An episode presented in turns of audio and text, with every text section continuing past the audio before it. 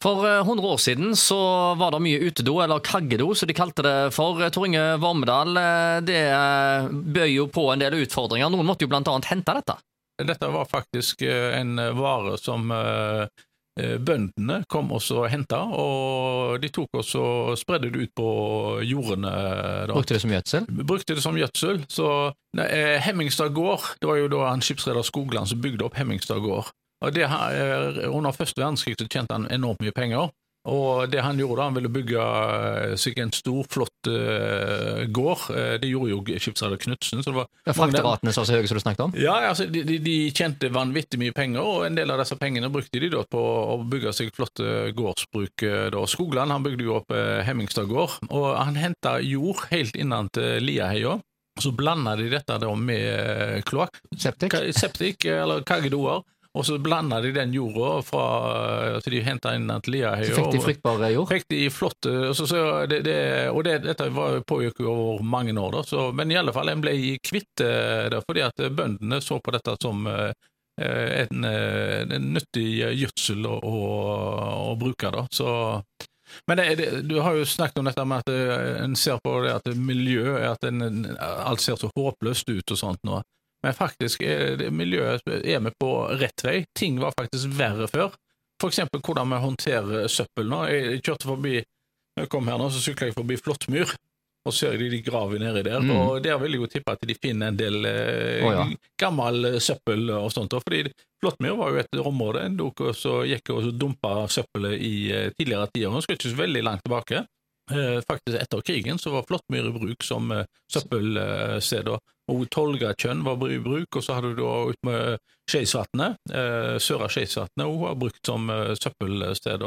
Det er først i, eh, fra 1962 at en begynner å bruke det Årabrottet. Da var det jo en privat eh, en Nygård da, som hadde eide området der, og som tilbød kommunen at det her kunne de få komme og tømme søppel.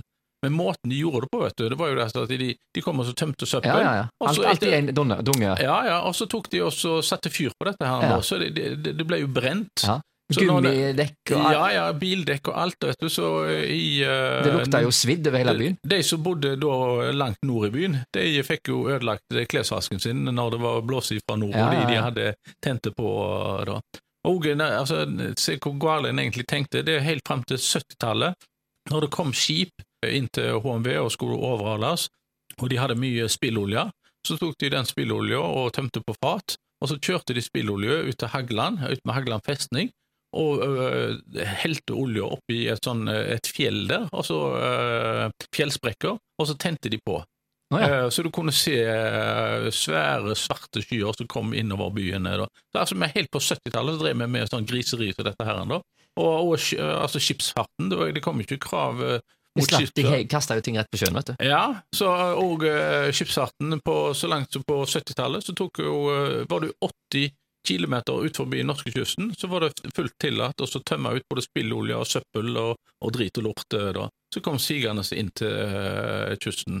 Og Når det gjelder søppelhåndtering, mange kommuner brukte jo dette prinsippet, til de tømte søppelet på sjøen. Karmøy kommune, for eksempel, der på Åkra, så hadde de eget sted hvor de da bare gikk og så tømte driten rett ut i sjøen. eh, da. Så var det rette eh, vindretningen, da, så kom de jo inn på strendene eh, etterpå.